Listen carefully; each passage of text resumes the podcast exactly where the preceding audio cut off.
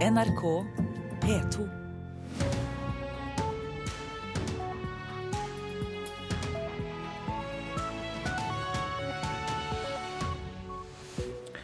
Øystein Heggen tar deg med gjennom Nyhetsmorgen i dag, 21. oktober. Og denne tirsdagen har vi disse hovedsakene nå klokka 6.30. Det tar lang tid før medisin mot ebola er klar, sier legen som behandlet den norske pasienten. KrF og Venstre vil slippe inn flere syriske kvoteflyktninger, men kommer ikke til å stemme for SVs forslag om å la dem komme hit. Mange nettmobbere forstår ikke virkningen av det de gjør. De kan såre bare med noen tastetrykk. Og det var nesten sånn at jeg ikke turte å være på skolen. Fordi at jeg fikk meldinger overalt. Og jeg fikk blikk også overalt. Og vi skal høre mer om at Jan Egums siste plate blir spilt inn i Brasil. Jeg har lovet meg sjøl at når jeg passerte 60, så kunne jeg gjøre akkurat hva jeg ville. Og jeg er såpass moden og har, har råd til å, til å gjøre noe helt annet.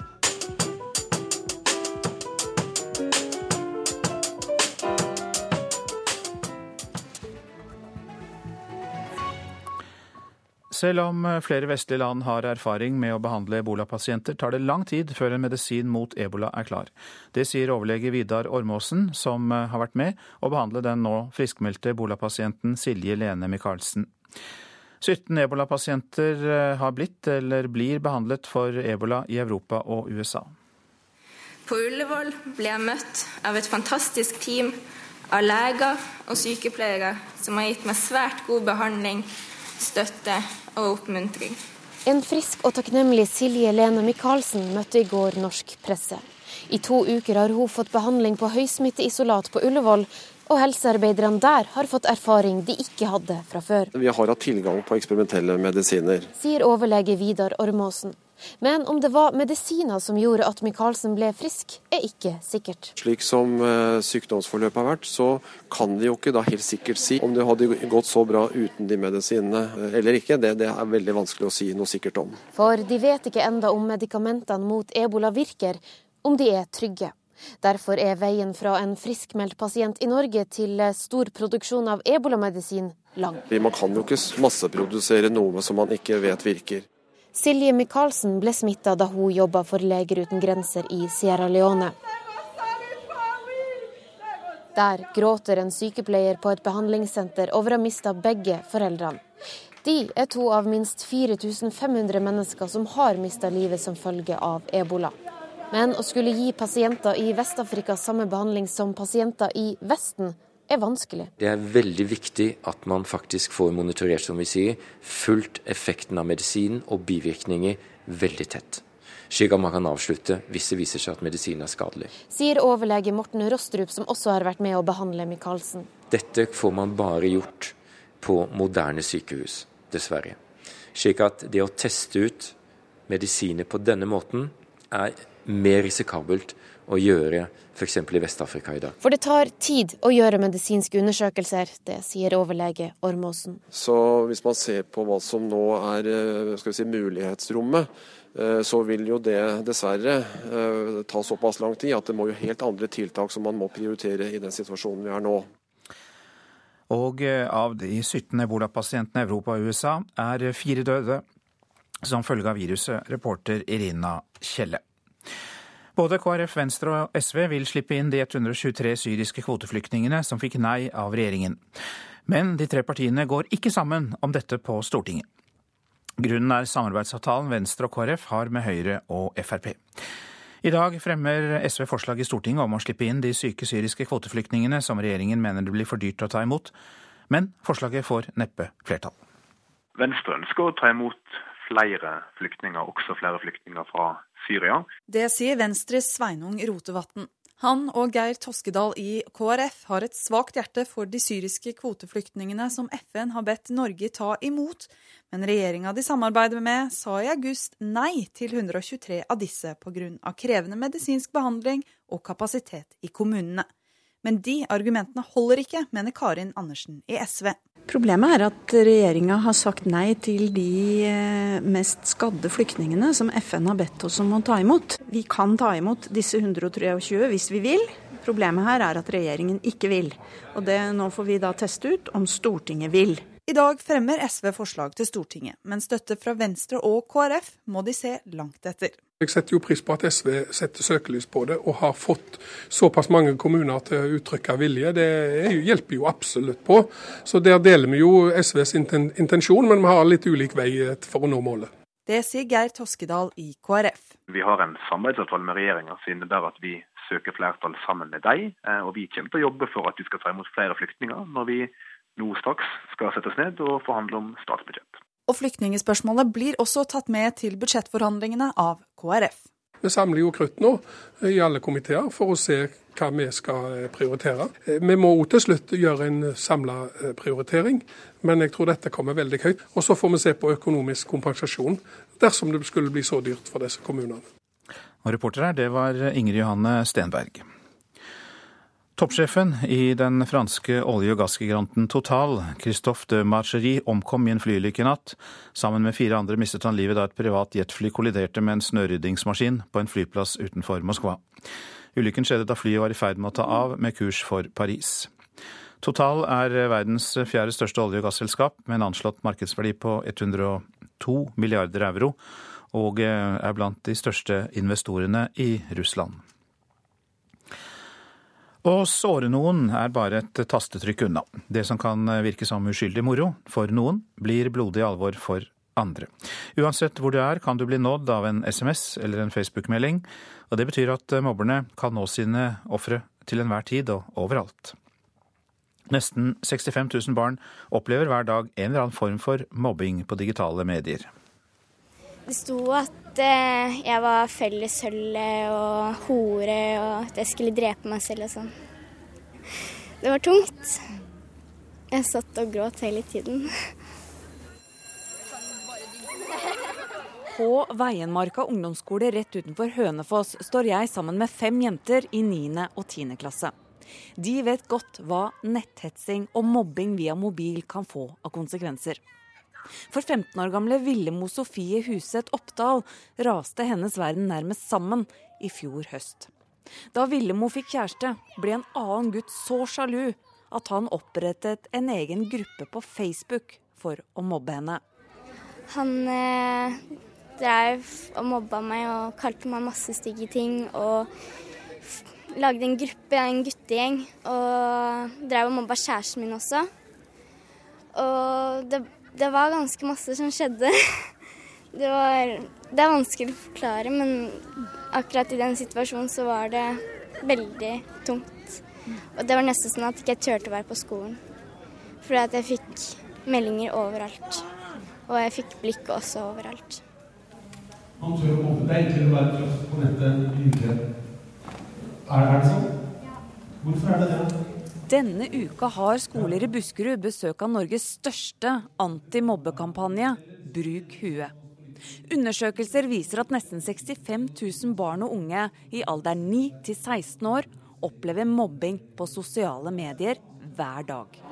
Eller fakta er at Det språket vi bruker når vi prater sammen digitalt, det språket, spesielt på ungdomsskolen, er styggere, grovere og verre enn det språket vi bruker i virkeligheten. Nei, Det kan være meldinger på nettet gjennom Facebook, eh, Snapchat eh, og andre populære apper. Og det ser vi at eh, Jo mer populær en applikasjon er, jo oftere blir det også misbrukt. Sier foredragsholder Ole Roger Vestøyl, som besøker skoler over hele landet for å forebygge netthets og mobbing. Han mener at noe av det viktigste de gjør, er å fortelle ungdommen om konsekvensene dette kan få. Ikke bare smerten som påføres, men også at det er straffbart. Ja, drapstrusler som noen sender til hverandre, det er veldig få som vet at det er straffbart. Og det ser vi jo tydelig at folk blir jo ukentlig straffa for eh, f.eks. drapstrusler og, og, andre trusler på nett. Og å publisere ting eh, fra andre som ikke er lov, er jo straffbart. Falske profiler. Så det er mange feller der ute på nettet som ungdom kanskje ikke er klar over. Tilbake i skolegården står venninnene og snakker om det vonde som skjedde i fjor. At Villemo Sofie Hustad Oppdal ble utsatt for nettmobbing påvirket alle, forteller Lotte Bergheim Pedersen. Ja, jeg la, la, merke til det på skolen, fordi det var jo den perioden var hun ganske lei seg. Og jeg tror det var en uh, uke hvor det sto noe på pulten hennes også. Og det var jo veldig Det er jo veldig hardt å se når en venninne i klassen har det sånn. Hva skal man gjøre hvis man opplever noe i nærheten av det du opplevde? Eh, hvert fall ta det opp med en person man kan snakke med om alt. I hvert fall en voksen. Og i hvert fall få hjelp. Men man må være sterk. Det er ganske tøft. Man må, man må ikke gi opp med en gang. Bare stå på det. Føler du at det er vanskeligere å være på sosiale medier og være ute og være med venner og sånn enn det det var før? Eh, ja, jeg har trukket meg ganske mye tilbake. Jeg. Og jeg er aldri på Facebook. Nesten. Aldri. Det tør jeg nesten ikke. Det sa Villemo Sofie Huseth Oppdal til vår reporter i Hønefoss, Anette Skafjell. Barneombud Anne Lindboe, velkommen til oss. Takk, takk. Ja, Vi hørte om unge som har opplevd nettmobbing her, og så har ditt kontor samlet inn erfaringer fra 22 andre elever som er blitt utsatt for mobbing, og det er informasjon dere skal gi videre til Djupedal-utvalget, som jobber med virkemidler mot mobbing og bedring av skolemiljøet. Men de dere har snakket med, hva forteller de? Vi har snakket med 22 barn eh, mellom 9 og 19 år som har opplevd alvorlig utfrossing, baksnakking og også grove vold og overgrep. Det de forteller, er at voksne på skolen de gjør ikke nok for å stoppe mobbingen. De bagatelliserer det barna har vært utsatt for. De forteller om voksne som ikke bryr seg, om voksne som mangler kunnskap, og om at det ikke kommer noen utenfra for å hjelpe når eh, situasjonen blir fastlåst. Og så forteller de også at når de til slutt få hjelp, de som har vært så heldige å få det, så er det en enkeltlærer som bryr seg, og som setter tydelige grenser og er tydelig overfor klassen. Foreslår disse barna noen tiltak? Ja, de har veldig mange gode råd. Eh, når det gjelder forebygging, så foreslår de at det må være én lærer som har spesielt ansvar og starter tidlig og eh, driver med dette arbeidet hvert år. Til voksne lærere så sier de handle, ta tak i ting eh, og la ting få tydelige konsekvenser.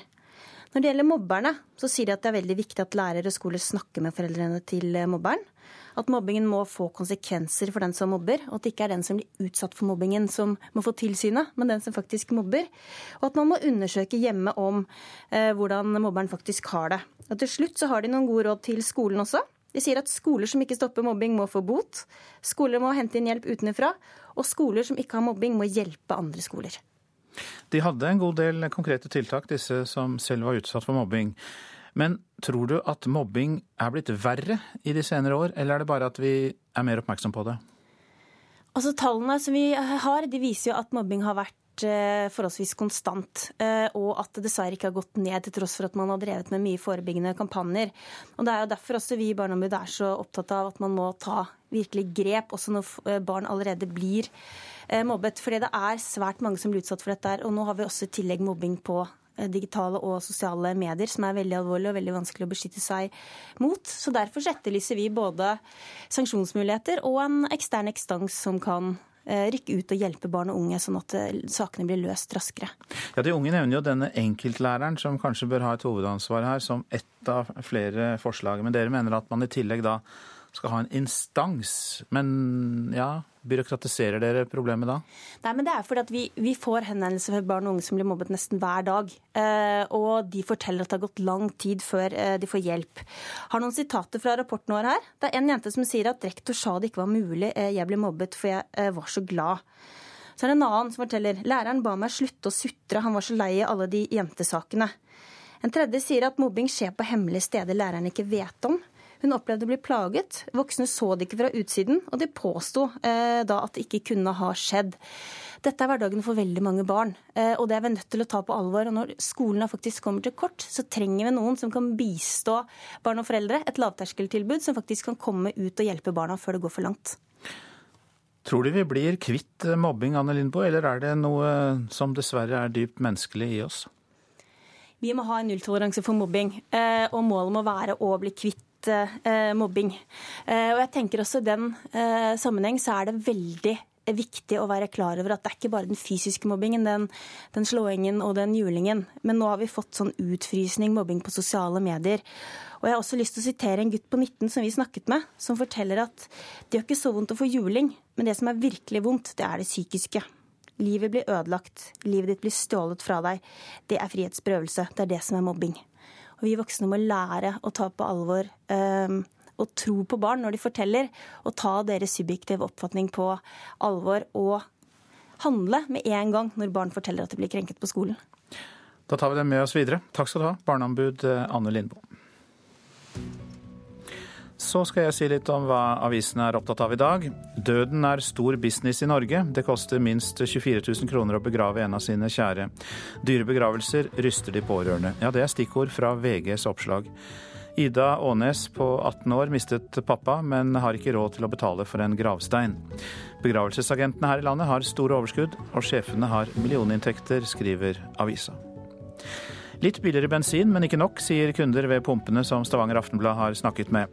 Det er som med bankenes utlånsrente, det går treigere ned enn opp, sier kommunikasjonssjef Ingrid Elisabeth Sagedal i Norges Automobilforbund. Nå slår europakrisa inn, kan vi lese i Klassekampen. Norge ikke lenger, er ikke lenger unntakslandet. Børsnedgang og lav oljepris kan føre til langt flere arbeidsledige, tror økonom.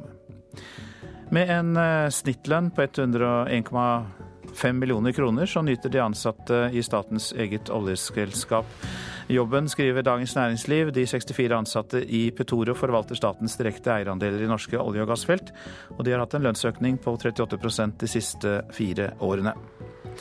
Det ventes flere omkamper i arbeidslivet, er oppslaget i Dagsavisen, etter at arbeidsminister Robert Eriksson har trukket det omstridte forslaget om sykelønnskutt. Arbeidstakerorganisasjonene nevner permitteringsreglene og endringene i pappapermisjonen som områder de håper på ny retrett fra regjeringen.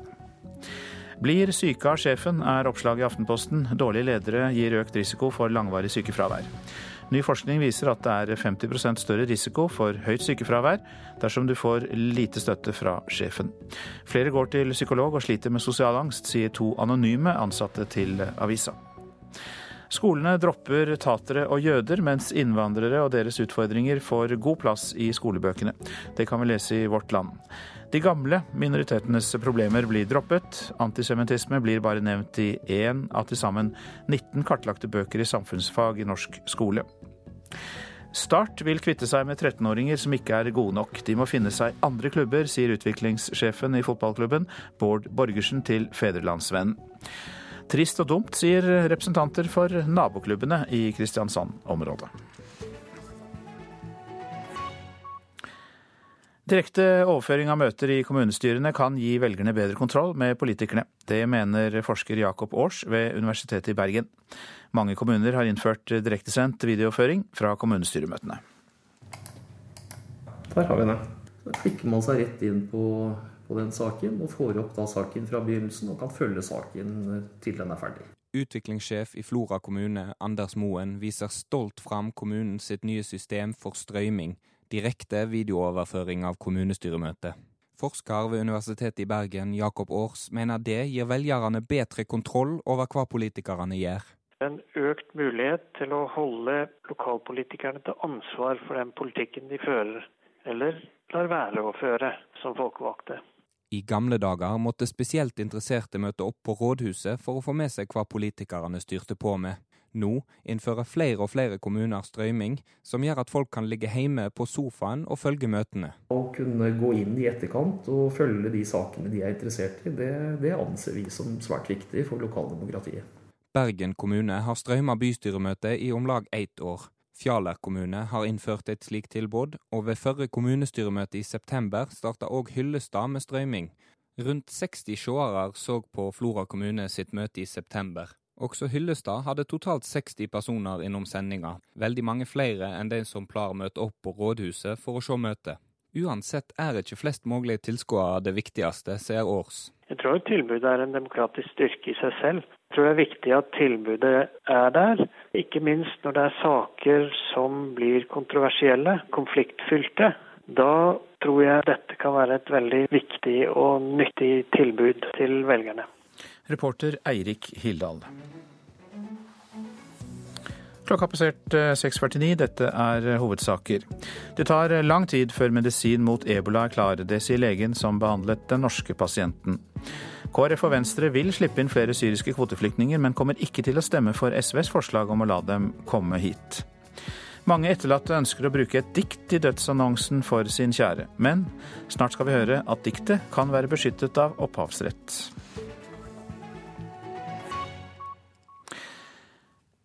Nå om Aksel Lund Svindal. Han mener han skal klare å takle den skaden han har fått. Det handler om å lytte til dem rundt meg, sier alpinisten. Jeg liker å tro at jeg er ganske um, analytisk, uh, så jeg um, er obs på den faren sjøl òg. Og faren for en idrettsutøver er å være for utålmodig mens man er skada. Aksel Lund Svindal røk akillesen på trening, ble operert raskt og må nå vente i hvert fall tre måneder før han kan ha ski på beina. Jeg avskriver ingenting. Så lenge det er, altså er det liv, er det håp. Men det betyr ikke at jeg har tenkt å stresse. Sa han i går på spørsmål om han tror han rekker VM i Beaver Creek i februar. Null stress er oppskriften, og klarer han ikke det selv, tror han at han er i stand til å lytte til leger og andre i støtteapparatet. Hvis ikke jeg har kontroll, så skal jeg passe på at jeg har uh, bra nok folk rundt meg som tør å si fra. At, uh, hva som er greit og hva som ikke er greit. Um, for det er klart det er ikke jeg som er ekspert på det her. Det, um, det er noe helt andre, så jeg blir bare å støtte meg på de som uh, har erfaringa. Selv om jeg er egenrådig, så er jeg smart nok til å skjønne når, når jeg er utafor min komfortsone og mitt ekspertfelt, og når andre folk får, får bestemme. Det var Aksel Lund Svindal som snakket med Vibeke Unnhjem. Anders Jacobsen er tilbake i storform. Den tidligere vinneren av den tysk-østerrikske hoppuka mener han er god nok til å kjempe i verdenstoppen kommende sesong. Det kjennes veldig bra ut nå. Det er fortsatt på en måte ting som uh, må på plass. Og stabiliteten er ikke helt der jeg vil at den skal være. Igjen, nå hopper langt, og så faller han! Og så faller Anders Jacobsen. Anders Jacobsen falt i det siste verdenscuprennet i fjor og ble operert i mai. Sommeren og høsten har han brukt godt, og i helga vant han et testrenn. Dermed mener hopperen at han skal kunne være med å kjempe i toppen kommende sesong. De beste hoppa er mer enn gode nok til å være med helt i toppen i v-cup. Og kanskje blir det like stor suksess i år som i sesongen 2006-2007. Anders Jacobsen fra Hønefoss har vunnet den tysk-østerrikske hoppuka. Klart, hoppuka, VM, det er på en måte høydepunktene, i hvert fall for meg, denne vinteren her klokke til et VM i skihopp, det er, eh, det er, vanskelig. Man må på en måte passe på at man er eh, i tetgruppa, og så må man ha litt flaks. Anders Jacobsen der, og reporter også i denne saken var eh, Vibeke Unnhjem. Mange etterlatte ønsker å bruke et lite dikt i dødsannonsen for å hedre sine kjære, men få er oppmerksomme på at diktet kan være beskyttet av opphavsrett. Begravelsesbyråene innrømmer at de har vært for dårlige til å sjekke at annonsene er laget i henhold til loven. Og det fikk Heidi Eriksen merke da hun satte inn et dikt i dødsannonsen til sin mor. Ja, jeg oppdaget at det var noen som hadde tatt og brukt de samme minneordene som jeg skrev til mamma, da, som var et høyst personlig dikt. Eh, og den annonsen så jeg i lokalavisa to dager etter begravelsen til mamma. Eh, og da lurte jeg litt på hva jeg skulle gjøre. Eh, om jeg, dette bare var noe jeg var nødt til å godta eller ikke. Og da begynte jeg å grave litt mer, for jeg fant ut at det gjorde så vondt å se det at, eh, at jeg fant ut dette må jeg gjøre noe med. Heidi Eriksen sjekket med eksperter hvilke rettigheter hun hadde, og konklusjonen var at diktet hennes er beskyttet av opphavsretten i det som kalles åndsverksloven. Dermed skulle det ikke ha vært brukt uten at hun hadde blitt spurt. Nå er det stille. Du er borte for godt. Jeg ser dine spor på stien du vandret, alt hva du var, er i mitt hjerte forankret. Ja, I utgangspunktet så er det jo sånn at hvis man ønsker å bruke et dikt i en annonse, så er det jo en, en ny publikasjon av diktet. Og da skal forfatteren gi sin tillatelse for at det skal kunne skje. Eh, eventuelt en tillatelse gjennom forlaget. Det sier administrerende direktør i Kopinor, Yngve Slettholm. Opphavsrettsorganisasjonen har ingen oversikt over hvor ofte det syndes mot opphavsretten i dødsannonsene. Men nå lover begravelsesbyråene å ta tak i problemet. Annet skal lista med ofte brukte minneord gjennomgås, for å sjekke om det kan finnes opphavspersoner som både skal spørres, navngis og kanskje betales. Det sier direktør Gunnar Hammersmark i bransjeorganisasjonen Virke gravferd. Ja, vi vil nok eh, ta for oss disse listene og sjekke de opp mot Google f.eks. Eh, Virke gravferd har ca. 90% av alle byråene i Norge som våre medlemmer. Så vi når ut til de med å gjøre oppmerksom på at der hvor det ønskes eh, dikt i annonsen, så står det faktisk eh, et ansvar på å undersøke om det er eh, rettigheter knytta til å bruke diktet. Jeg håper jo at det andre skal slippe å gå gjennom det jeg gjorde. Og reporter her, det var Une Marvik Hagen. Brasil er stikkordet for Jan Eggums nye plate. Den har blitt spilt inn i Rio de Janeiro i løpet av de siste dagene, sammen med en gjeng brasilianske toppmusikere. En latinamerikansk drøm er gått i oppfyllelse, sier den populære artisten til eh, vår reporter i Rio, Arnt Stefansen.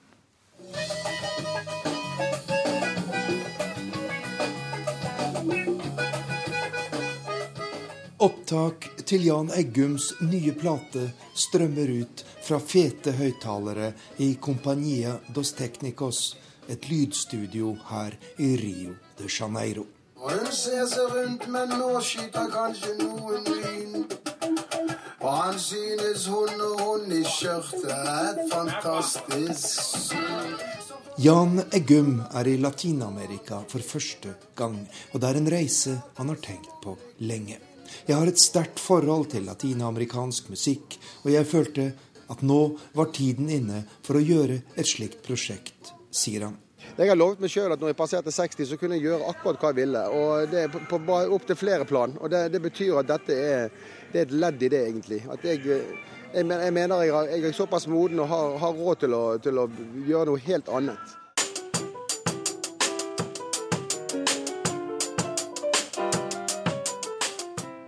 En viktig del av plateprosjektet er et stjernelag av brasilianske musikere som til vanlig spiller med sambalegenden Gilberto Gil. Det er noe med det at du vet. At din makt over menn er stor. Mange vinternatt blir det viktig for meg at noen faktisk setter. Jan Eggums varemerke, mollstemte sanger med dypsindige tekster, preger også denne plateinnspillingen. Men de latinamerikanske rytmene er noe nytt. Hvordan vil trofaste fans reagere på det? Altså Mitt kjernepublikum de, de spiser alt jeg serverer, så det, jeg tror ikke det blir noe problem. Men, det, men folk vil jo kanskje måtte høre litt på det og tenke at dette, her er det for mye dans, og Eggum danser jo ikke. Sånn at jeg vil nok kanskje få, et, få en liten longør hvor folk må tenke seg litt om. Du er blitt effektiv med ungene. Det blir ikke stort igjen til meg. Da tar vi farvel med Jan Eggum i denne omgang og går over på værvarselet. Østlandet østlig bris, spredt regn og yr. Lokal tåke. I ettermiddag øking til østlig frisk bris utsatte steder. På kysten liten kuling. Det blir regn, til dels sludd i høyden nord for Mjøsa. Telemark og Agder får litt regn. Fra i ettermiddag sørøst liten kuling utsatte steder. Stiv kuling på kysten vest for Oksøy. Seint i kveld minkende vind i vest. Det blir regn og lokalt mye nedbør i Telemark og Agder. Vestlandet sør for Stad. Det blir sørøst sterk kuling utsatte steder fra i formiddag, og så minker vinden til kvelden. Det blir regn, lite nedbør først på dagen. Møre og Romsdal sørøst liten kuling utsatte steder. Litt regn på Sunnmøre, ellers stort sett opphold. Trøndelag sørøst sterk kuling utsatte steder. Fra i ettermiddag kan det bli liten storm. Litt regn i indre strøk av Trøndelag, snø i høyden. Helgeland, Saltfjellet, Salten og Ofoten. Sørøst stiv kuling utsatte steder. Utpå dagen perioder med liten storm og lokale vindkast oppe i 25-30 meter per sekund. Litt regn på Helgeland, ellers for det meste opphold. Lofoten, Vesterålen og Troms. Sørøstlig stiv kuling utsatte steder. Sterk kuling i nord. Først på dagen litt regn sør i Lofoten, ellers delvis skyet oppholdsvær. Så går vi til Finnmark. Der blir det sørøstlig liten kuling, i vest sterk kuling. Det blir lettskyet vær og opphold. Nordensjøland på Spitsbergen sørøstlig liten kuling, stort sett oppholdsvær. Og temperaturer målt klokka fem i natt. Svalbard lufthavn minus seks, Kirkenes minus fem, Vardø pluss én, Alta minus fem, Tromsø-Langnes null, Bodø pluss fem. Brønnøysund og Trondheim-Værnes begge pluss seks, Molde sju, Bergen-Flesland ni, Stavanger ti, Kristiansand-Kjevik 5. Gardermoen og Lillehammer 8 grader, Røros 4 og Oslo-Blindern, der var det 10 grader. Og etter Dagsnytt nå i tre minutter, så skal vi høre om hva som er best for klimaet. Gass til kraft på plattformene eller elektrisk strøm fra land.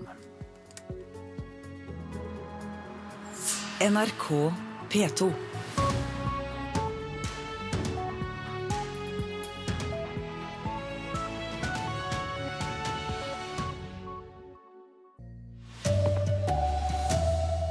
Det er for risikabelt å tilby ebolapasienter i Vest-Afrika eksperimentelle medisiner, mener overlege. Voksne må komme tidligere inn og ta mobbingen ved rota, mener Barneombudet. Her er NRK Dagsnytt klokka sju.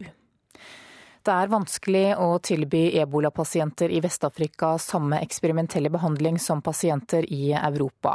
Det sier overlege Morten Rostrup ved Oslo universitetssykehus. Han har vært med på å behandle den norske legen som ble smittet i Sierra Leone.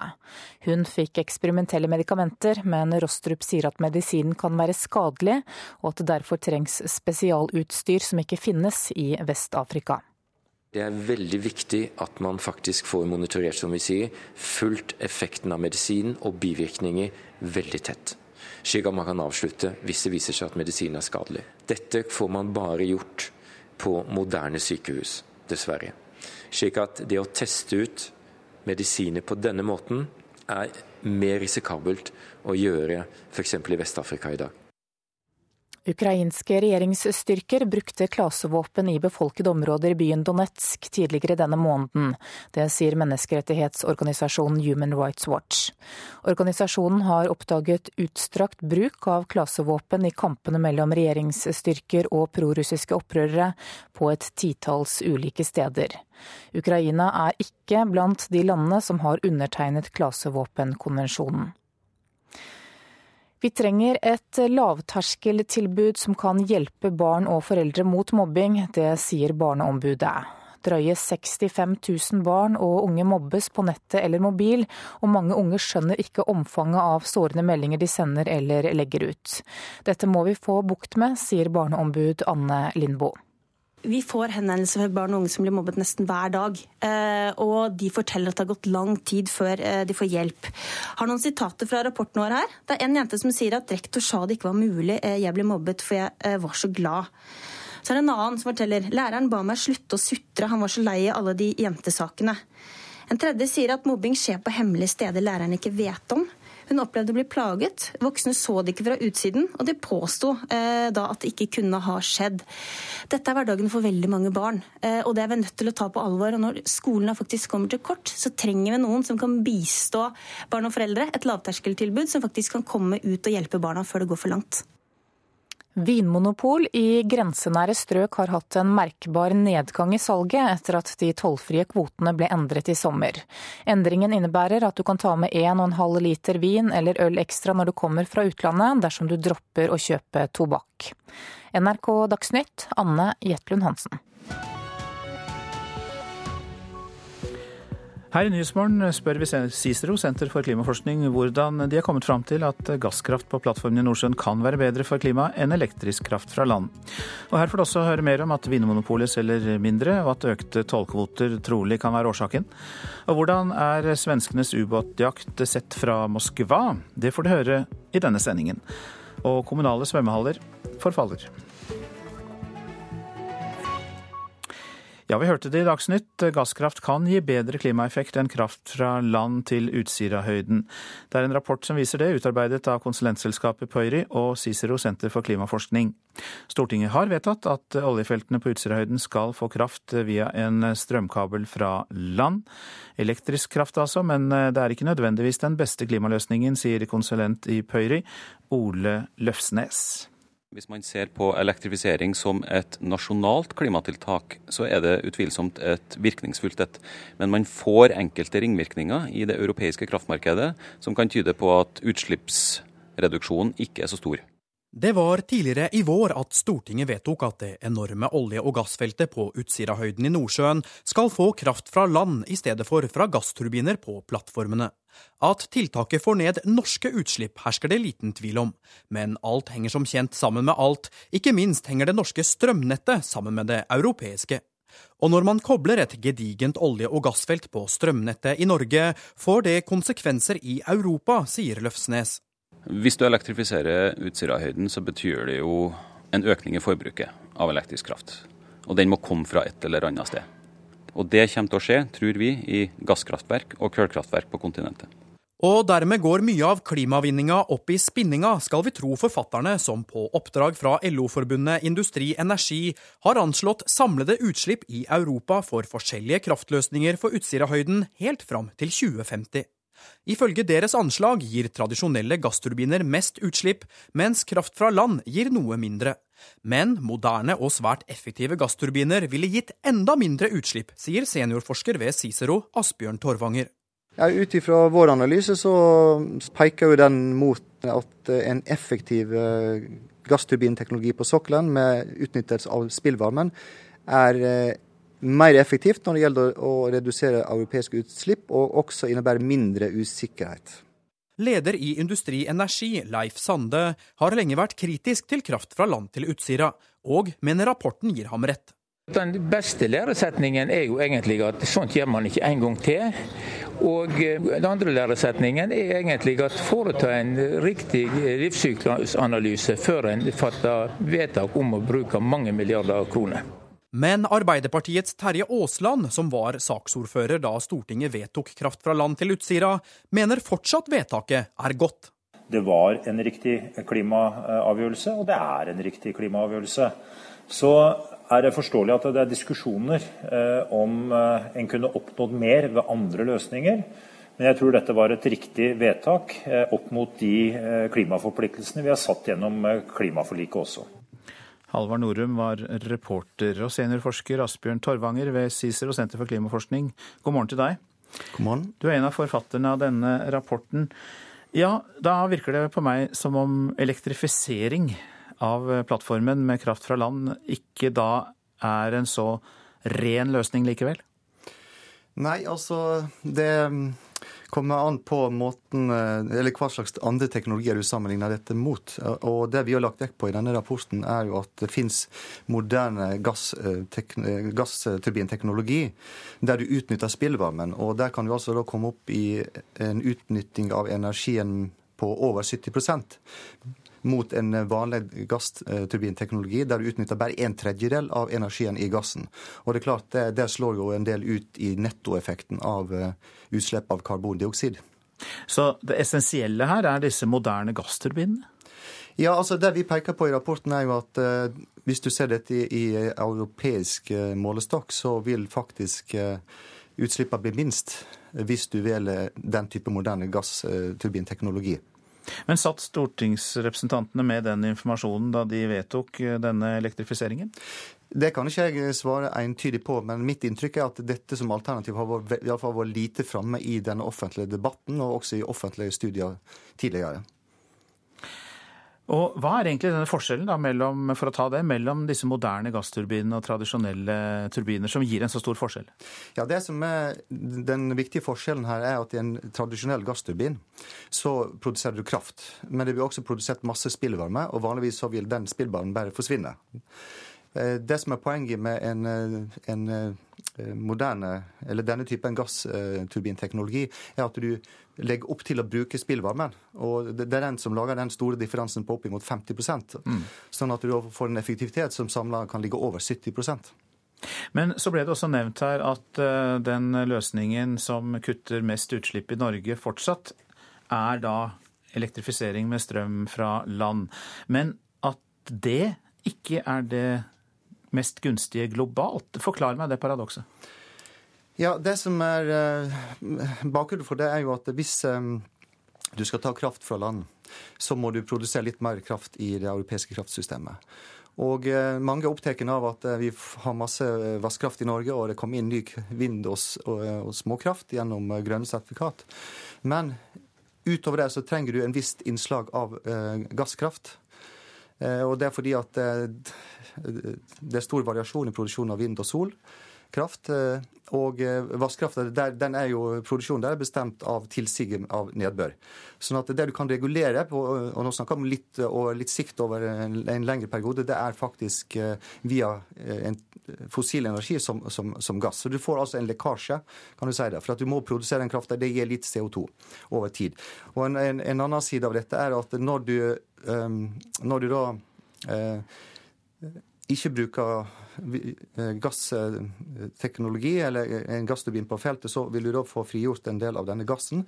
Den vil da bli eksportert til Europa. Det kommer da an på om den kommer i, i tillegg til eller erstatter russisk gass. Men du får altså en, en slags eh, la oss kalle det en slags lekkasjeeffekt der også. Og vi har også da lagt inn i denne rapporten effekten av at vi har et kvotesystem for utslipp av karbondioksid i Norge og Europa som omfatter kraftsektoren. Til slutt så skal vi legge til at rapporten er gjort for LO-forbundet Industri Energi, og de har jo vært kritiske til kraft fra land-løsningen hele tiden. Men jeg går ut fra at dere ikke har eh, latt dere påvirke av det? Nei, altså vi har jo eh, lagt opp til dette eh, på en selvstendig måte. Vi er eh, Pøyri og Cicero har, har, hatt det faglige ansvaret for dette og, og står ansvarlig, og, og, har gjort det faglige arbeidet med den rapporten. Da takker vi deg, seniorforsker Asbjørn Torvanger ved Cicero senter for klimaforskning.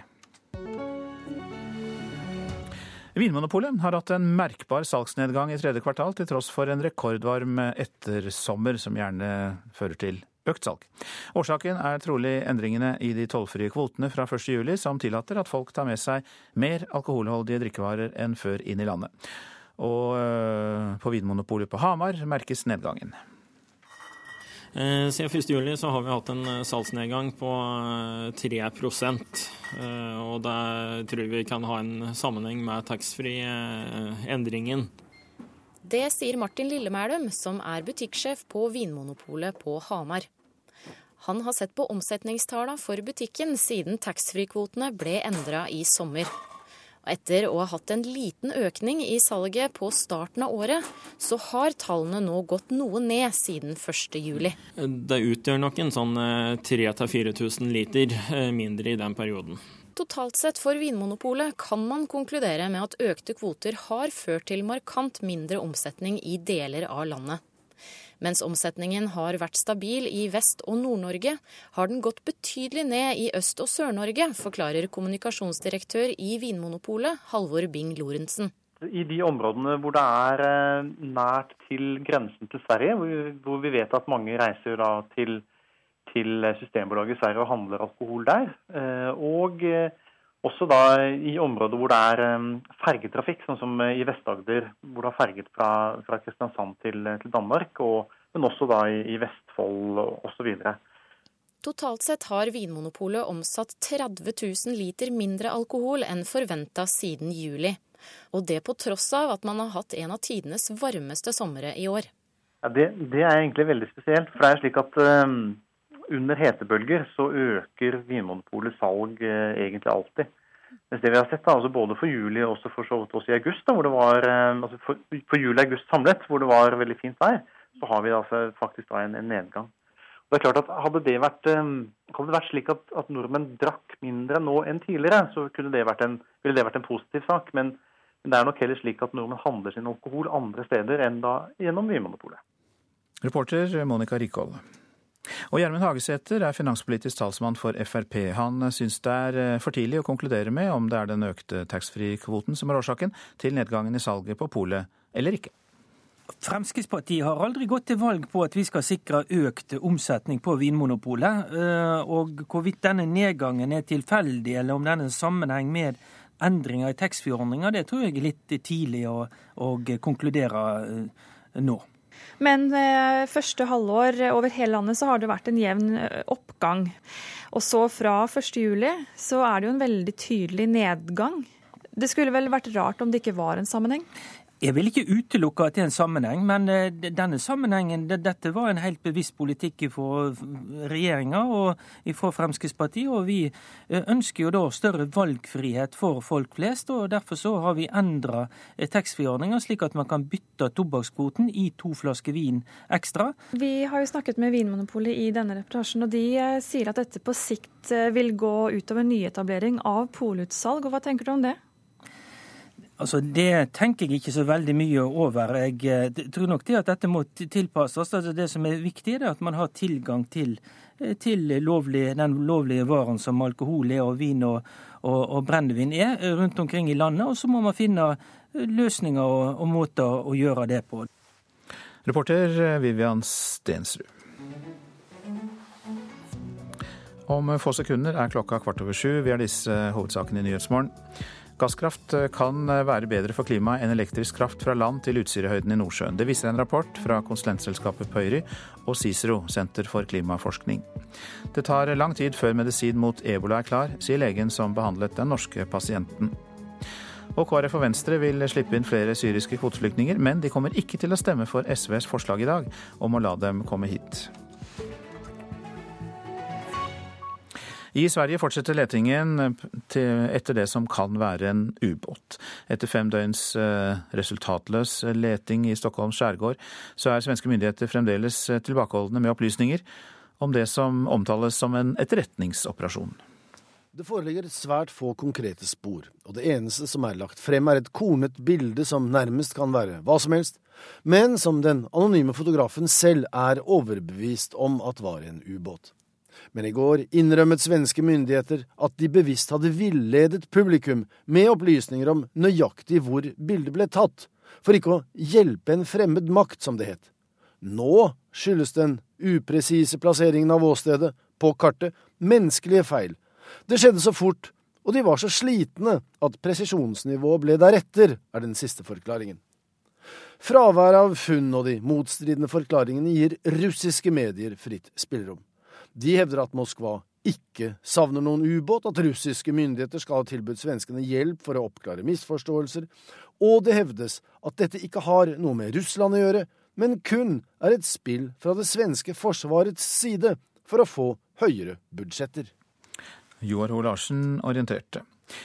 Moskva-korrespondent eh, Morten Jentoft, eh, det er jo da slik at eh, det som svenskene ikke vil si at de leter etter, eh, kanskje kan være russisk. I hvert fall så er det mange som spekulerer i den retning. Men eh, sett fra Moskva så eh, ser vel saken helt annerledes ut?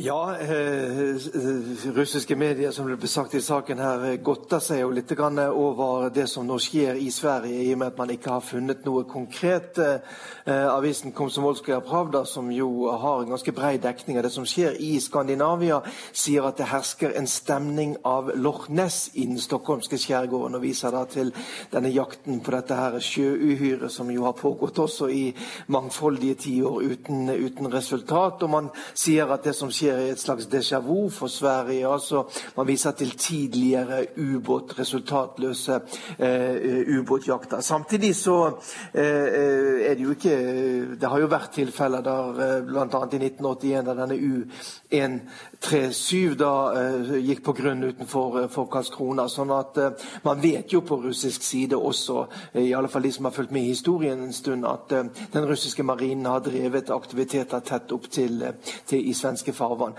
Men så langt så godter man seg altså over, eh, over det at man ikke finner noe som helst i, i, i Sverige.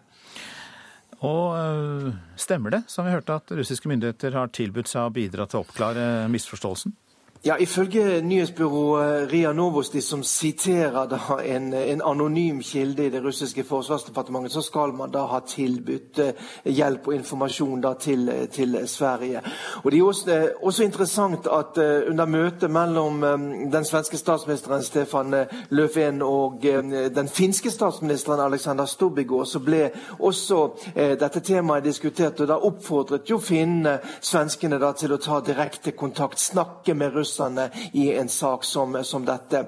Eh, det har jo vært relativt liten kontakt mellom, eh, mellom Sverige og, og, og, Russland i denne saken. og Fra svensk side har man jo sagt at man ikke vet hvor denne ubåten kommer fra, og vil ikke snakke om noe russisk ubåt i det hele tatt. Helt til slutt, Hvor overrasket blir du dersom det er en russisk ubåt? Ja, man skal jo aldri si aldri. Det er klart at eh, Vi vet at de hemmelige tjenester i, uh, i, i mange land da driver eh, aktiviteter for å finne ut om motstanderens kapasitet. Vi vet at Russland har økt sin aktivitet i, i Østersjøområdet. Vi har hatt flere flykrenkninger her. Sånn at alt kan jo skje her. Da. Men, men, så langt så får vi bare vente og se, og så vente og se om svenskene kan komme opp med noe mer konkret bevis enn det de har gjort så langt. Foreløpig har det jo vært relativt resultatløst. Moskva-korrespondent Morten Jentoft, takk skal eh, du ha. Vi eh, vender oss eh, lenger øst, for etter at store deler av sentrum i Hongkong har vært preget av protestaksjoner, så starter nå samtaler mellom demokratiaktivister og regjering seinere i dag. De skal sendes direkte på TV, og målet er jo da å finne en løsning. Men hva ventes å komme ut av samtalene? Asia-korrespondent Peter Svaar i Beijing. Lite eller ingenting. Dette vil etter alt å dømme bli et TV-sendt teaterstykke med fem deltakere fra hver side. En to timer lang TV-debatt fra Hongkongs medisinske fakultet som starter klokken tolv norsk tid i dag, med en av regjeringssjef Leongs tidligere rådgivere som programleder. Studentene krever ikke lenger at silingen av kandidater til valget skal fjernes helt, og regjeringen sier på sin side at de vil akseptere at det utarbeides en tilleggsrapport til Hongkongs parlament når disse reformene skal behandles. Men likevel så er det veldig vanskelig å få øye på noe reell kompromissmulighet. Så den egentlige spenningen nå er knyttet til hva som vil skje etterpå. I gatene har det jo den siste uken vært stadig mer voldelige sammenstøt med politiet. og når alle ser at samtalene ikke fører noe sted, så er spørsmålet om de store gateprotestene vil blusse opp igjen. Og så har Hongkongs regjeringssjef sagt noe i dag som jeg lurer litt på, som du gjerne skal forklare for meg. For demokrati i Hongkong vil bety at de fattige får styre politikken. Hva legger han i det? Ja, Dette var jo CY Leungs forsøk på å forklare internasjonale medier i dag hvorfor kravet om demokrati i Hongkong er umulig. Han sa at over halvparten av byens befolkning tjener under 12 000 norske kroner i måneden. Og med en fri nominasjonsprosess sa han, så minnet han om at disse fattige menneskene jo faktisk har flertall, eh, og at politikerne i byen da først og fremst må lytte til deres ønsker og interesser for å vinne et valg. Og det mente han alle måtte forstå, at det ville jo bære galt av sted. For eh, dersom man ignorerer behovene til finanseliten, som har skapt Hongkongs posisjon funksjon som finanssenter, så vil byen som han kalte det, slutte å virke.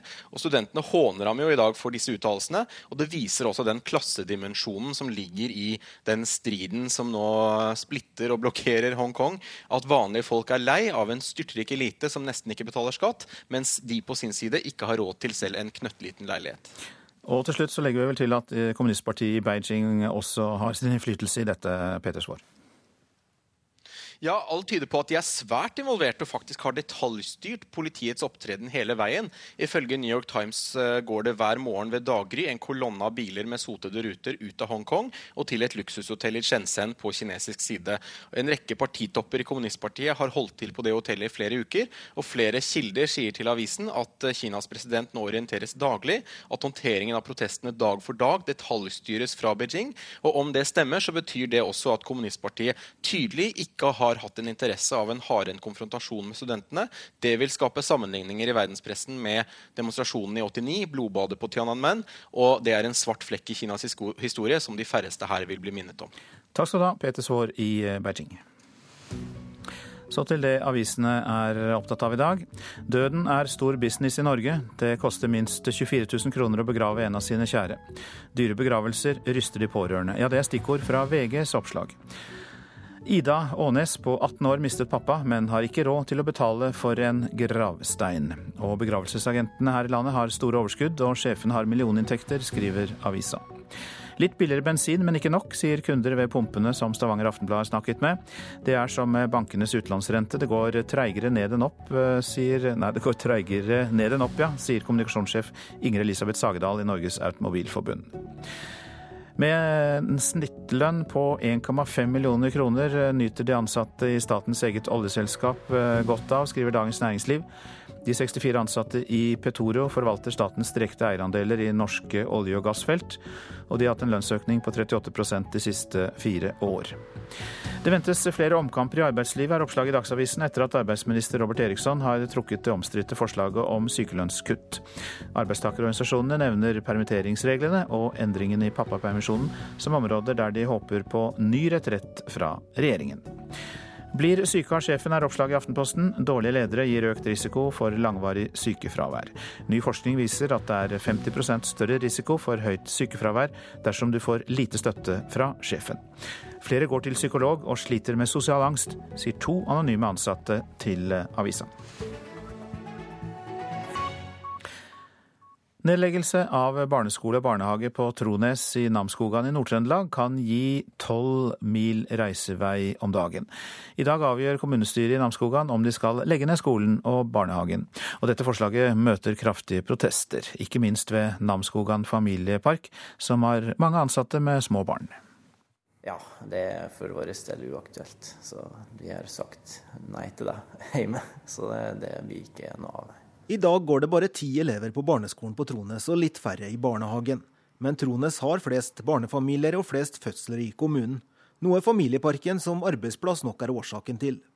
Gunnar Enga er en av flere ansatte som ikke vil bo der lenger dersom skolen og barnehagen forsvinner. Vi, vi ser jo da at det kommer til å bli et tap for eh, parken og Namsskogan. At det ikke bor familier rundt her. For det er jo stort, det, er det som kommer til å skje, det er jo at folk ikke vil, sannsynligvis ikke vil bosette seg akkurat her da.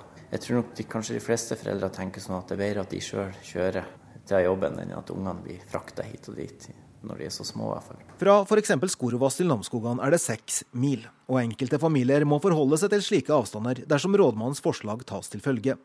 Stian Brekkvassmo er ordfører i Namsskogan. Ja, også nå vil jeg jo påpeke at eh, vi skal jo nå behandle om vi skal sende saken på høring eller ikke.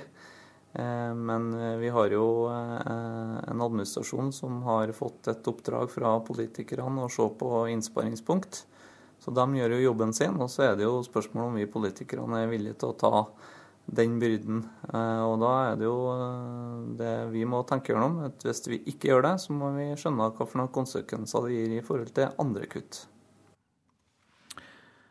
Og det var Kjartan Trana som var reporter her. Flere svømmehaller i Stavanger lukker dørene pga. legionellafunn. De kommunale svømmehallene forfaller, og nå håper svømmeklubbene at drømmen om et storslått nytt anlegg snart kan realiseres. Som du ser her fra tribunen, så er både tremeteren og femmeteren er dekt med presenning pga. Av at det faller betong, eller har falt betong ned i bassenget. Han fortviler leder for Svømmealliansen i Stavanger, Odd Svendsen. Stavanger svømmehall er bare ett av bassenganleggene i kommunen med store slitasjer. Dette er helt uholdbart. Flere haller er tidvis stengt pga. legionella. Denne høsten har et av byens hotell blitt redninga for barns svømmeopplæringskurs. Og Det var ingen andre alternativer. Og Så dukket da Alstor opp, som da var så vennlig å stille det anlegget til disposisjon. Det finnes ikke alternativ. Og hvis forfallet fortsetter i Stavanger svømmehall og anlegget til slutt må stenges, vil kommunen være uten et konkurranseanlegg. I realiteten betyr det at eh, det, det betyr dødsstøtet for svømmeidrett. Tilstanden på byens basseng er elendige, ifølge svømmerne, mye grunnet manglende vedlikehold. Ja, I og med at det, det er stadige anlegg som blir stengt, så betyr det da at vedlikeholdet ikke er godt nok. Stavanger kommune har et stort etterslep på svømmeanleggene i forhold til kapasitet. Eh, I, både når det gjelder 25 meters basseng, men også i forhold til mindre anlegg. Det sier idrettssjef i Stavanger kommune, Arne Tenfjord. Og Kommunen har vel de senere årene prioritert andre typer anlegg, bl.a. isanlegg de siste årene i Stavanger forumområdet. Kunstgressbaner er bygd opp de siste ti årene svært mange av. Og det er klart at Selv en kommune som Stavanger klarer ikke å ha penger til alle gode behov som måtte ligge innenfor idretten. Men nå mener svømmeklubbene at det er bassengsituasjonen som må prioriteres. De vil at folkebadet i Jåttåvågen må på plass, et anlegg som vil tilfredsstille mange grupper. Både svømmeidrettenes behov og eh, publikums behov, ikke minst for, for familiene. Men òg skolenes behov og behov for svømmeopplæring. Det har òg med, med folkehelse å gjøre. Politisk har Folkebadet vært på papiret i over 30 år. Anlegget ligger øverst på prioriteringslista til idrettsrådet og kommunalstyret for kultur og idrett. I slutten av måneden skal bystyrepolitikerne si sitt om saken. Dersom svømmeidretterne i Stavanger skal ha en mulighet til å utvikle seg, så må nå eh, Folkebadet bli realisert. Rogaland idrettskrets representerer 54 ulike idretter, alle med mange ulike behov. Men leder Rune Røksund mener tida er kommet for å prioritere idretten i vannet. Vi syns at svømming står for tur på anleggsfronten. Selv om det er idrettsråd og kommunene som eh, prioriterer, så tror jeg det er viktig å innse at svømming trenger et løft. Eh, ikke bare i Stavanger, men òg i Rogaland. Men det er ikke bare for idretten det trengs basseng. Så langt i år har det vært 91 drukningsulykker her i landet. Det er mange som ikke kan svømme, og bassengkapasitet er sentralt for å gi flere opplæring. Det er flere basseng som ikke kan brukes. Til mindre svømmeopplæring blir det. Enda færre blant byens befolkning lærer å svømme. Reporter Cecilie Berntsen Jåsund. Prosent for Nyhetsmorgen, Kari Stokke Nilsen. Her i studio, Øystein Heggen. Vi har hørt at gasskraft kan gi bedre klimaeffekt enn elektrisk kraft fra land til Utsirahøyden i Nordsjøen. Det blir debatt av slikt i Politisk kvarter.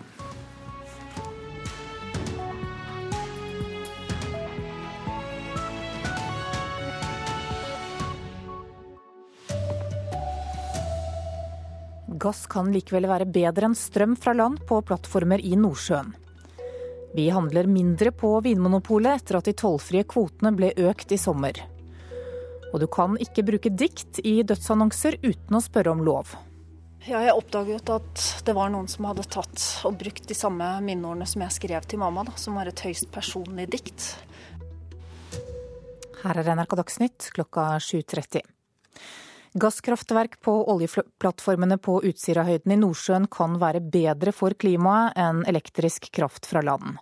Det viser en rapport utarbeidet for LO-forbundet Industri Energi.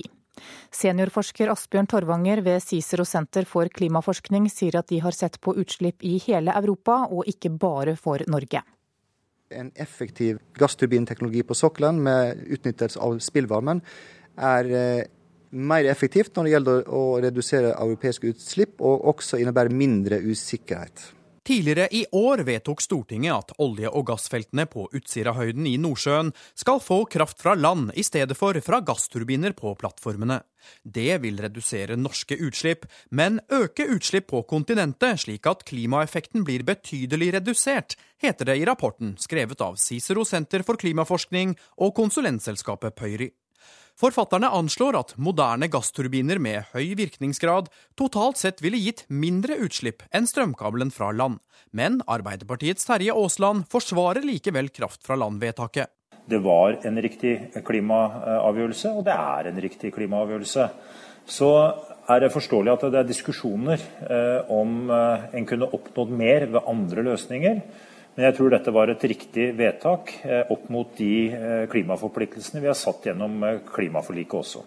Leder Leif Sande i Industri Energi er langt mer kritisk til kraft fra landløsningen på Utsira. På spørsmål om han nå vil ha omkamp om strømkabelen, svarer han slik. Vi vil gjerne ha en omkamp med tanke på nye utbygginger, men jeg er ikke innstilt på en omkamp på Utsira. Da får de nå bare stå med torskeskapen sin, de som har gjort det. Og reporter her, det var Halvard Norum. Vinmonopolet har hatt en merkbar nedgang i salget etter at de tollfrie kvotene ble endret i sommer. Endringene gir deg lov til å ta med mer alkohol fra utlandet. Og hos Vinmonopolet på Hamar så merker de nedgangen. Eh, siden 1.7 så har vi hatt en eh, salgsnedgang på 3 eh, og det tror vi kan ha en sammenheng med taxfree-endringen. Det sier Martin Lillemælum, som er butikksjef på Vinmonopolet på Hamar. Han har sett på omsetningstallene for butikken siden taxfree-kvotene ble endra i sommer. Etter å ha hatt en liten økning i salget på starten av året, så har tallene nå gått noe ned siden 1.7. Det utgjør nok en sånn 3000-4000 eh, liter eh, mindre i den perioden. Totalt sett for Vinmonopolet kan man konkludere med at økte kvoter har ført til markant mindre omsetning i deler av landet. Mens omsetningen har vært stabil i Vest- og Nord-Norge, har den gått betydelig ned i Øst- og Sør-Norge, forklarer kommunikasjonsdirektør i Vinmonopolet, Halvor Bing Lorentzen. I de områdene hvor det er eh, nært til grensen til Sverige, hvor vi vet at mange reiser til til Systembolaget i Sverige og handler alkohol der. Eh, og eh, også da i områder hvor det er eh, fergetrafikk, sånn som i Vest-Agder, hvor det har ferget fra, fra Kristiansand til, til Danmark, og, men også da i, i Vestfold osv. For juli-august samlet, hvor det var veldig fint vær, så har vi altså faktisk da en, en nedgang. Reporter var Monica Rikol. Finanspolitisk talsmann for Fremskrittspartiet Gjermund Hagesæter synes det er litt tidlig å si om den økte taxfree-kvoten er årsaken til nedgangen i polsalget, men det kan være det, sier han. Jeg vil ikke utelukke at det er en sammenheng, men eh, denne sammenhengen, dette var en helt bevisst politikk fra regjeringa og fra Fremskrittspartiet. Og vi eh, ønsker jo da større valgfrihet for folk flest, og derfor så har vi endra eh, taxfree-ordninga slik at man kan bytte tobakkskvoten i to flasker vin ekstra. I Sverige så fortsetter letingen etter det som kan være en ubåt nå på femte døgnet. Svenske myndigheter er fremdeles svært tilbakeholdne med opplysninger om det som fortsatt blir omtalt som en etterretningsoperasjon. Det foreligger svært få konkrete spor, og det eneste som er lagt frem er et kornet bilde som nærmest kan være hva som helst, men som den anonyme fotografen selv er overbevist om at var en ubåt. Men i går innrømmet svenske myndigheter at de bevisst hadde villedet publikum med opplysninger om nøyaktig hvor bildet ble tatt, for ikke å hjelpe en fremmed makt, som det het. Nå skyldes den upresise plasseringen av åstedet på kartet menneskelige feil. Det skjedde så fort, og de var så slitne at presisjonsnivået ble deretter, er den siste forklaringen. Fraværet av funn og de motstridende forklaringene gir russiske medier fritt spillerom. De hevder at Moskva ikke savner noen ubåt, at russiske myndigheter skal ha tilbudt svenskene hjelp for å oppklare misforståelser, og det hevdes at dette ikke har noe med Russland å gjøre, men kun er et spill fra det svenske forsvarets side for å få høyere budsjetter. Og Det sa reporter Joar Hoel Larsen. Selv om flere vestlige land nå har erfaring med å behandle ebolapasienter, så tar det lang tid før en medisin mot ebola er klar. Det sier overlege Vidar Ormåsen, som har vært med på å behandle den norske legen som ble smittet i Sierra Leone. Hun fikk eksperimentelle medikamenter, men Ormåsen vet ikke om det var det som gjorde henne frisk. Slik som eh, sykdomsforløpet har vært, så kan vi jo ikke da helt sikkert si om det hadde gått så bra uten de medisinene eh, eller ikke. Det, det er veldig vanskelig å si noe sikkert om. I dag er jeg frisk og ikke lenger smittsom. Sa Silje Michaelsen på pressekonferanse i går. Hun ble smitta da hun jobba for Leger uten grenser i Sierra Leone. I Vest-Afrika har over 4500 mennesker mista livet som følge av ebola. Men å skulle gi ebolapasienter der samme behandling som pasienter i Vesten, er vanskelig. Det er veldig viktig at man faktisk får monitorert, som vi sier, fulgt effekten av medisinen og bivirkninger veldig tett. Slik at man kan avslutte hvis det viser seg at medisinen er skadelig. Sier overlege Morten Rostrup, som også har vært med å behandle Michaelsen. Dette får man bare gjort på moderne sykehus, dessverre. Slik at det å teste ut medisiner på denne måten er mer risikabelt å gjøre f.eks. i Vest-Afrika i dag. For det tar tid å gjøre medisinske undersøkelser, sier overlege Ormåsen. Man kan jo ikke masseprodusere noe som man ikke vet virker. Så hvis man ser på hva som nå er si, mulighetsrommet, så vil jo det dessverre ta såpass lang tid at det må jo helt andre tiltak som man må prioritere i den situasjonen vi er nå. Reporter var Irina Kjelle. Mange etterlatte ønsker å bruke et dikt i dødsannonsen for å hedre sine kjære. Men ikke alle er oppmerksomme på at dikt kan være beskyttet av opphavsrett. Det fikk Heidi Eriksen merke da hun skrev et dikt i dødsannonsen til sin mor. Ja, jeg oppdaget at det var noen som hadde tatt og brukt de samme minneordene som jeg skrev til mamma, da, som var et høyst personlig dikt. Det gjorde så vondt å se det at jeg fant ut dette må jeg gjøre noe med. Heidi Eriksen sjekket med eksperter hvilke rettigheter hun hadde, og konklusjonen var at diktet hennes er beskyttet av opphavsretten. Dermed skulle det ikke ha vært brukt uten at hun hadde blitt spurt. Hvis man ønsker å bruke et dikt i en annonse, skal forfatteren gi sin tillatelse for at det skal kunne skje. Det sier administrerende direktør i Kopinor, Yngve Slettholm. Opphavsrettsorganisasjonen har ingen oversikt over hvor ofte det syndes mot opphavsretten i dødsannonsene. Men nå lover begravelsesbyråene å ta tak i problemet. Der hvor det ønskes eh, dikt i annonsen, så står det faktisk eh, et ansvar på å undersøke om det er eh, rettigheter knytta til å bruke diktet. Det sa direktør i Virke gravferd Gunnar Hammersmark. Reporter var Une Marvik Hagen. Så skal vi ha sport. Manchester United står fortsatt uten seier på bortebane i den engelske eliteserien i fotball denne sesongen. I går kveld så ble det 2-2 borte mot West Bromwich, noe Uniteds trener mente var blodig urettferdig. Uh, uh. Jeg er veldig skuffet over at vi igjen ga bort to poeng. Louis van Hall var oppgitt etter at laget hans nok en gang gikk glipp av poeng på bortebane. Vi var et bedre lag enn West Bromwich. De skapte ingenting selv, og vi ga dem begge målene, fortsatte van Hall. Uh, Manchester United tørster etter å gjenskape suksessen fra storhetstiden. De har brukt over halvannen milliard kroner på spillekjøp før denne sesongen. Men etter åtte kamper mot det som skulle være overkommelig motstand, står de med kun tolv poeng på en sjetteplass. Og det kan bli flere intervjuer med en skuffet van Hall i nærmeste fremtid. I de to neste kampene venter serieleder Chelsea og byrival Manchester City.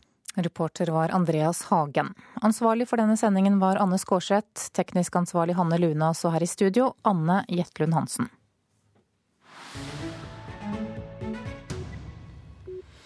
Språk i Ukraina er tema for Nyhetsmorgen. Krisa i Ukraina og krigen mot de russiskvennlige separatistene i øst har nemlig ført til at mange ungdommer velger mer aktivt å bruke ukrainsk i hverdagen. Det gjelder også i millionbyen Odessa, en by som inntil nylig var nesten rent russiskspråklig.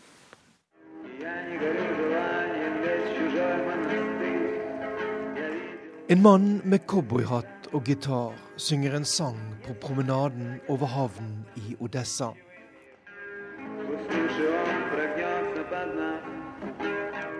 Sangen er av den russiske sangeren Andrej Makarevitsj fra gruppen Maskina Vremeni, og synges naturlig nok på russisk.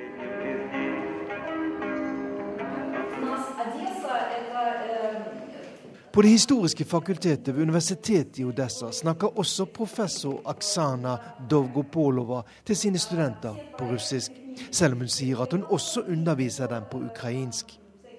Men etter de dramatiske hendelsene som Ukraina har vært gjennom det siste året, med demonstrasjoner på Maidan i hovedstaden Kiev, avsettelsen av den tidligere presidenten Viktor Janukovitsj, og nå krigen mot de russiskvennlige separatistene øst i landet, ja, så er ukrainsk språk blitt på mote blant mange ungdommer, sier en av studentene på Det historiske fakultetet, Aksana Lavri. Oksana forteller at hun begynte å snakke mer på ukrainsk da hun fikk ukrainskspråklige venner. Hun har også blitt mye mer interessert i både ukrainsk historie og kultur. I dag snakker jeg like mye på ukrainsk som på russisk, sier hun. Jeg er blitt mye mer interessert i ukrainsk historie nå enn det jeg var da jeg gikk på skolen. Jeg spør henne om det er en politisk avgjørelse som gjør at hun nå snakker mer på ukrainsk. Og da svarer hun at dette er noe som hun virkelig selv ønsker. Hennes medstudent på Det historiske fakultetet, Aleksej Mikhejev, sier at han er ganske typisk for mange ukrainere i Odessa. Han har ukrainsktalende mor, som han alltid har snakket ukrainsk med, og en russisktalende far som kommer fra Russland, og som han alltid har snakket russisk med. For meg er både ukrainsk og russisk litteratur like viktig, sier Aleksej, som sier han tenker både på russisk og ukrainsk, alt ettersom. Den tredje av studentene som jeg treffer på det historiske fakultetet i Odessa, Nikolai Sapotinskij, sier at han det siste året er blitt langt mer bevisst på det å være ukrainer. Før var han mer likegyldig til spørsmålet om språk, men nå ser han på det som et symbol for det å være borger av den ukrainske staten og snakke ukrainsk. Alle de tre ungdommene som jeg snakker med, sier at det snakkes mye mer ukrainsk ute på gaten i Odessa nå enn før. Selv om alle også er enige om at russisk språk også i uoverskuelig framtid kommer til å ha en sterk posisjon i Ukraina, uansett det offisielle forholdet til den slaviske storebroren Russland. Og Morten Jentoft rapporterte fra Odessa. Og dette er hovedsakene i Nyhetsmorgen i dag. Gass kan likevel være bedre for klimaet enn strøm fra land. På plattformer i Nordsjøen, viser ny rapport. Vi handler mindre på Vinmonopolet etter at de tollfrie kvotene ble økt i sommer. Det tar lang tid før en medisin mot ebola er klar. Det sier overlege Vidar Ormåsen, som var med å behandle den norske kvinnen som ble smittet i Sierra Leone. Og du kan ikke bruke dikt i dødsannonser uten å spørre om lov. Diktet kan være beskyttet av opphavsrett. Ja, du lytter til Nyhetsmorgen. Dette programmet og mange andre kan du også høre om igjen på nettstedet radio.nrk.no. Og på det nettstedet kan du også høre alle NRKs radiokanaler. Nå gjør vi oss klare for Politisk kvarter, og programleder der er Bjørn Myklebust.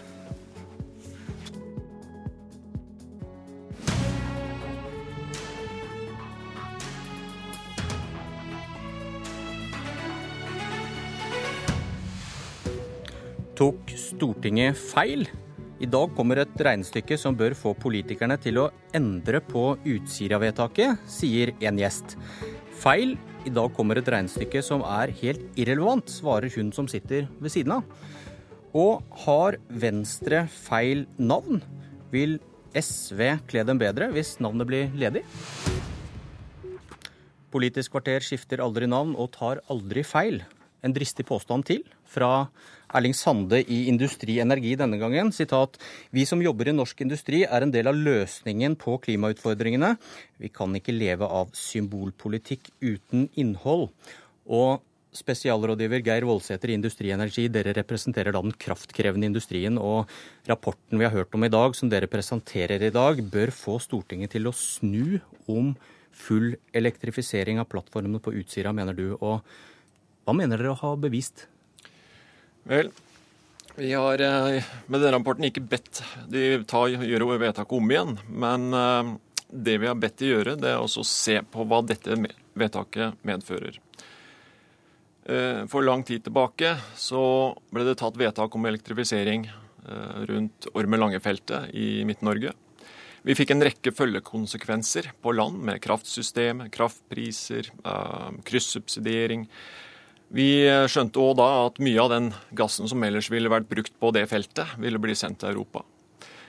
Vi hadde håp om at når debatten rundt Utsira kom opp, at man denne gangen ville legge til grunn skikkelige analyser, dvs. Si livssyklusanalyser, som ser på dette her i et helt perspektiv fra vugge til grav.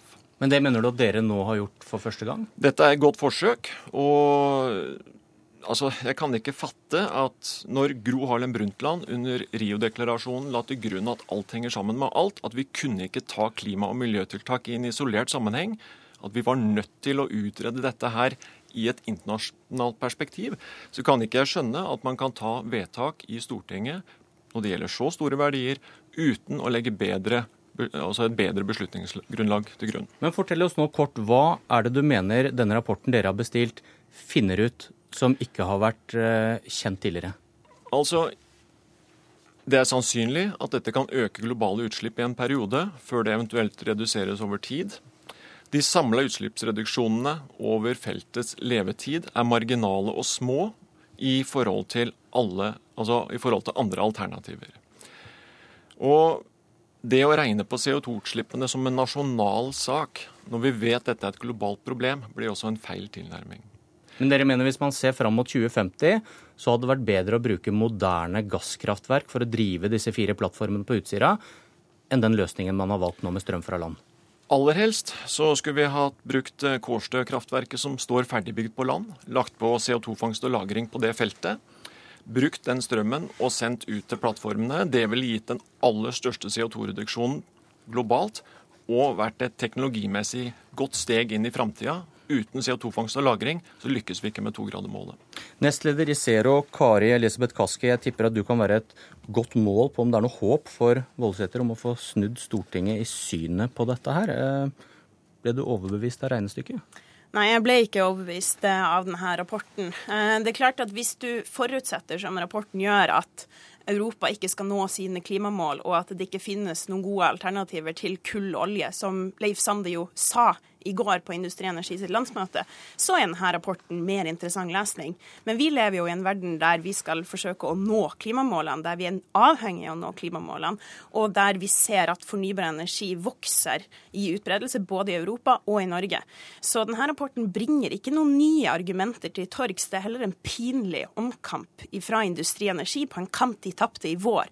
Og Derfor er jeg også glad for at eh, stortingspolitiker Terje Aasland i Arbeiderpartiet slår seg hardt fast at Utsira-vedtaket om elektrifisering står fast. Men du mener man ikke kan regne seg fram til hvor mye elektrifisering på Utsira vil få si i 2050, fordi verden endrer seg nå?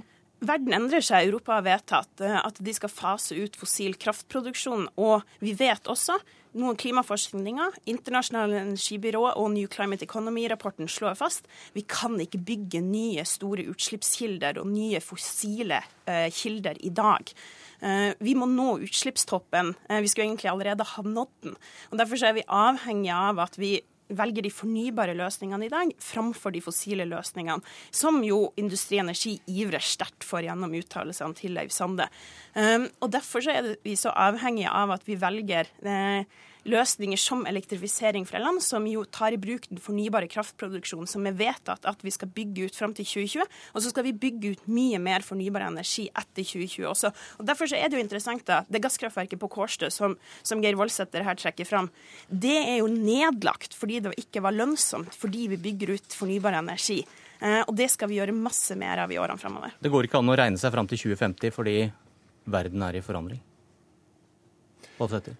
Vel, slik jeg forstår rapporten, så har de tatt høyde for at EU når sine klimamål. At de har regna på en bredde i både hvordan politikken vil utformes fram mot 2050, om det skal bli masse mer fornybar, om kvotesystemet fungerer skikkelig. Likevel så er elektrifisering en dårligere løsning enn gasskraftverk? Elektrifisering fra land er det dårligste av de alternativene som man kunne ha valgt. Det eh, har jo Industri Energi ment lenge. De har jo kjempa lenge mot fornybare løsninger og for fossile løsninger.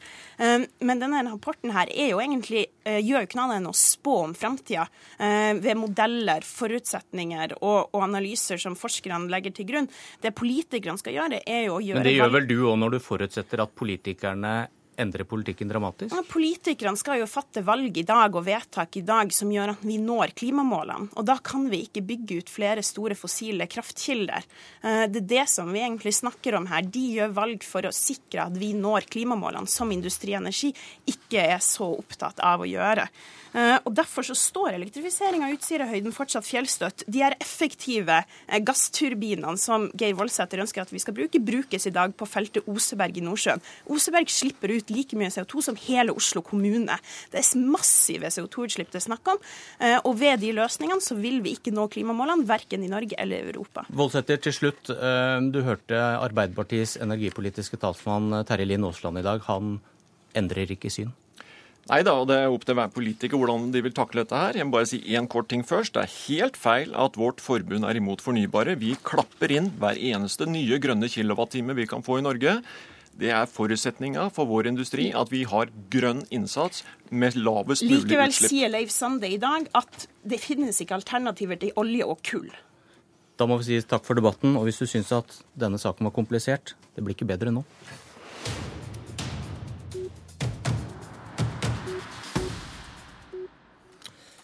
For hva er det egentlig å være liberal? Bør Venstre skifte navn? Erter Christian Tonning Riise, leder i Unge Høyre, velkommen. Takk. Du hadde et navneforslag med deg også? Nei, det var vel, eh, det var vel kanskje for å, for å, pirke litt da, liksom, i den liberale ryggmargsrefleksen i, eh, i Venstre. Men eh, nei, grunnen til at jeg skrev den teksten eh, Ta navnet først, da. Ja, Sosialdemokratisk Venstre. Men så skrev jeg vel òg at jeg syns jo at Liberale Venstre er et, et, mer klingende navn, da. Men eh, Nei, det er jo riktig. Jeg skrev en, en, tekst hvor jeg tok for meg litt sånn Venstres eh, liberale track record etter sånn et ett år eh, på, med det nye Stortinget. Og syns jo at eh, Altså, Venstre skryter jo av å være det eneste liberale partiet i Norge. Når du da har saker på bordet hvor man har muligheten til å eh, gjennomføre mer liberal politikk, så burde man da forvente at Venstre var en litt spydspiss, egentlig. Dra en kort, liste, for oss. Og Da ramset jeg bl.a. opp uh, ostetollsaken, um, søndagsåpne butikker, hvorvidt man skal ha åpent pol på julaften. Viste til saken om flytevestpåbudet. 18-årsgrense 18 på solarium, som er som saker om Det er ikke de store og viktige sakene, men det er saker hvor man hadde muligheten til å dra det i enten liberal retning eller dra det i en motsatt retning. Hvor jeg da mener at et, for et liberalt parti da, så falt man ned på feil side. Dette er bagateller, svarer du, Sveinung Rotevatn. Du er stortingsrepresentant for Sosialdemokratisk Venstre. Eh, det er riktig at jeg er stortingsrepresentant for eh, Venstre. Og eh, ja, jeg mener at det Kristian viste til, er sikkert saker du kan diskutere fram og tilbake. Men det der at det felles er jeg ikke syns det er spesielt viktige eh, spørsmål. Nå er ikke med det sagt at ikke små saker kan ha viktige liberale tilsnitt ved seg. Derfor har vi bl.a. støtta at en skal eh, tillate Segways, profesjonell boksing og poker og alt det andre som regjeringa har vært veldig opptatt av. Men det jeg syns er problematisk, eh, er at en her skal gjøre det til et stort problem. Hvorvidt polet skal ha åpent fire dager mer i året eller fem dager mer i året. Der Venstre konkluderte med fire. Mens en sitter fra Høyre-Frp-regjeringa sin side og benytter seg av andre flertall i Stortinget for å gjennomføre grunnleggende illiberal politikk, som jeg syns er veldig viktig politikk. F.eks. det at en går til Senterpartiet for å bestemme seg for å bruke politi til å jage fattige tiggere rundt i gatene i landet vårt. Det at en går og gjemmer seg når en får besøk av fredsprisvinner Dalai Lama og prioriterer næringsinteresse foran menneskeretter med underforstått støtte fra Arbeiderpartiet, det syns jeg er viktige liberale spørsmål der regjeringa har svikta alvorlig. Og Da kan vi sikkert sitte her og diskutere flytevestpåbud fram og tilbake, som vi sikkert kan diskutere bilbeltepåbud fram og tilbake. Men de store liberale spørsmålene om menneskeretter og menneskeverd, der mener jeg regjeringa har trådt alvorlig feil. Og der syns jeg kanskje at Unge Høyre bør fokusere litt mer av energien sin. Jeg har lest tilsvaret fra Sveinung, og vi kan nok være som han skriver, og kan nok være enige om at det finnes både liberale og illiberale elementer i både Høyre, i Venstre og i alle de, de borgerlige partiene. Men det som er litt sak, man burde jo forvente at et parti som skryter av å være det eneste liberale partiet i Norge, at de er i front i disse sakene. Og særlig gjelder det kanskje de litt sånn mindre sakene som ikke har en en budsjettkonsekvens, f.eks., men saker som bare handler om man skal uh, slippe opp litt på, på, statlig kontroll, at man skal gi den enkelte litt mer makt og innflytelse over sin egen hverdag. I sånne saker så syns jeg det ville være eh, naturlig for et liberalt parti å stå på på siden på de som vil gi enkeltmennesket mer frihet og ansvar over men, eget liv. Men gir du han noen poenger i at eh, du er opptatt av litt små saker, og så svikter ditt eget parti i noen av de store? Jeg er litt uenig i den sånn klare liberale brodden i noen av de sakene som eh, Sveinung lister opp. Når det gjelder tiggeforbudet, så er jo vi helt enige med, med, med Venstre. Men f.eks. saken om, om bevæpning av politiet syns jeg ikke har en like umiddelbar liberal eller illiberal brodd. Altså Der kan du argumentere liberalt for, eh, for begge, begge, standpunkter. Ja, um det er jo slik at jeg er enig med, Christian i at eh, det viktige element i, i liberalismen å la eh, enkeltmennesker få litt mer frihet over sin egen hverdag. så Derfor er Venstre bl.a. også enige med regjeringa i at vi bør åpne opp for søndagsåpne butikker. Men jeg syns likevel at det store bildet er, er det viktige her. Eh, og da mener jeg at Venstre på Stortinget nå, i den samarbeidsformen vi har, har vært den desidert viktigste krafta for å sørge for at vi har et Norge som går i liberal retning. Eksempelvis har vi brukt vippeposisjonen vår til å sikre en asylavtale med regjeringa der Høyre og Frp ikke får gjennomslag for sin, etter min mening, svært illiberale asylinnvandringspolitikk. Nå, nå, der det går noen steg i riktig retning i stedet for. Nå skal deres partier bli enige om budsjett. og Hvilke muligheter byr seg i den episke kampen om å være mest liberal nå, da? Hvilke saker står det om? Nei, altså Fra, fra mitt ståsted så mener jeg at et, også et, et viktig liberalt uh, poeng også må jo være at uh, den enkelte skal få beholde litt mer av, uh, av sine egne penger. Og så klart at penger hvor mye det, Penger er også makt. og så, Men akkurat der forventer jeg jo ikke det helt store fra Venstre, og det må jeg si. altså Jeg skriver jo det i teksten nå at det er kanskje Du skylder å si at det er på Minerva-nett denne debatten går nå. Ja, det er jo litt mye å forvente kanskje at det er sånn Venstre som skal overby Høyre i, eh, i skatteletter. Så det, der har jeg ikke noen sånne store forventninger. Men jeg håper jo at de, ikke, at de ikke klarer å moderere det for mye. Da. For jeg mener jo at det å få beholde litt mer av sine egne penger også er et viktig liberalt prinsipp. To ting. For det første så legger regjeringa sitt forslag opp til at uh, staten og offentlig sektor skal fortsette å vokse, og en finansierer det med en for høy oljepengebruk. Det syns jeg er problematisk. Og det andre, som er det mest alvorlige, er at vi må også sikre friheten til kommende generasjoner. Uh, og når en nå legger opp til et budsjett der klimagassutslippene skal fortsette å øke, og der vi ikke skal nå målet i klimaforliket som Høyre sjøl har skrevet under på, så er det definitivt den største frihetskampen i dette budsjettet, og det mest alvorlige med budsjettet som må rettes opp. Så er det sikkert mange på venstresiden som sitter og irriterer irriterer seg over dette liberale gjørmebadet, men de får slippe til en annen gang. Politisk kvarter nærmer seg slutten, og jeg heter Bjørn Myklebust.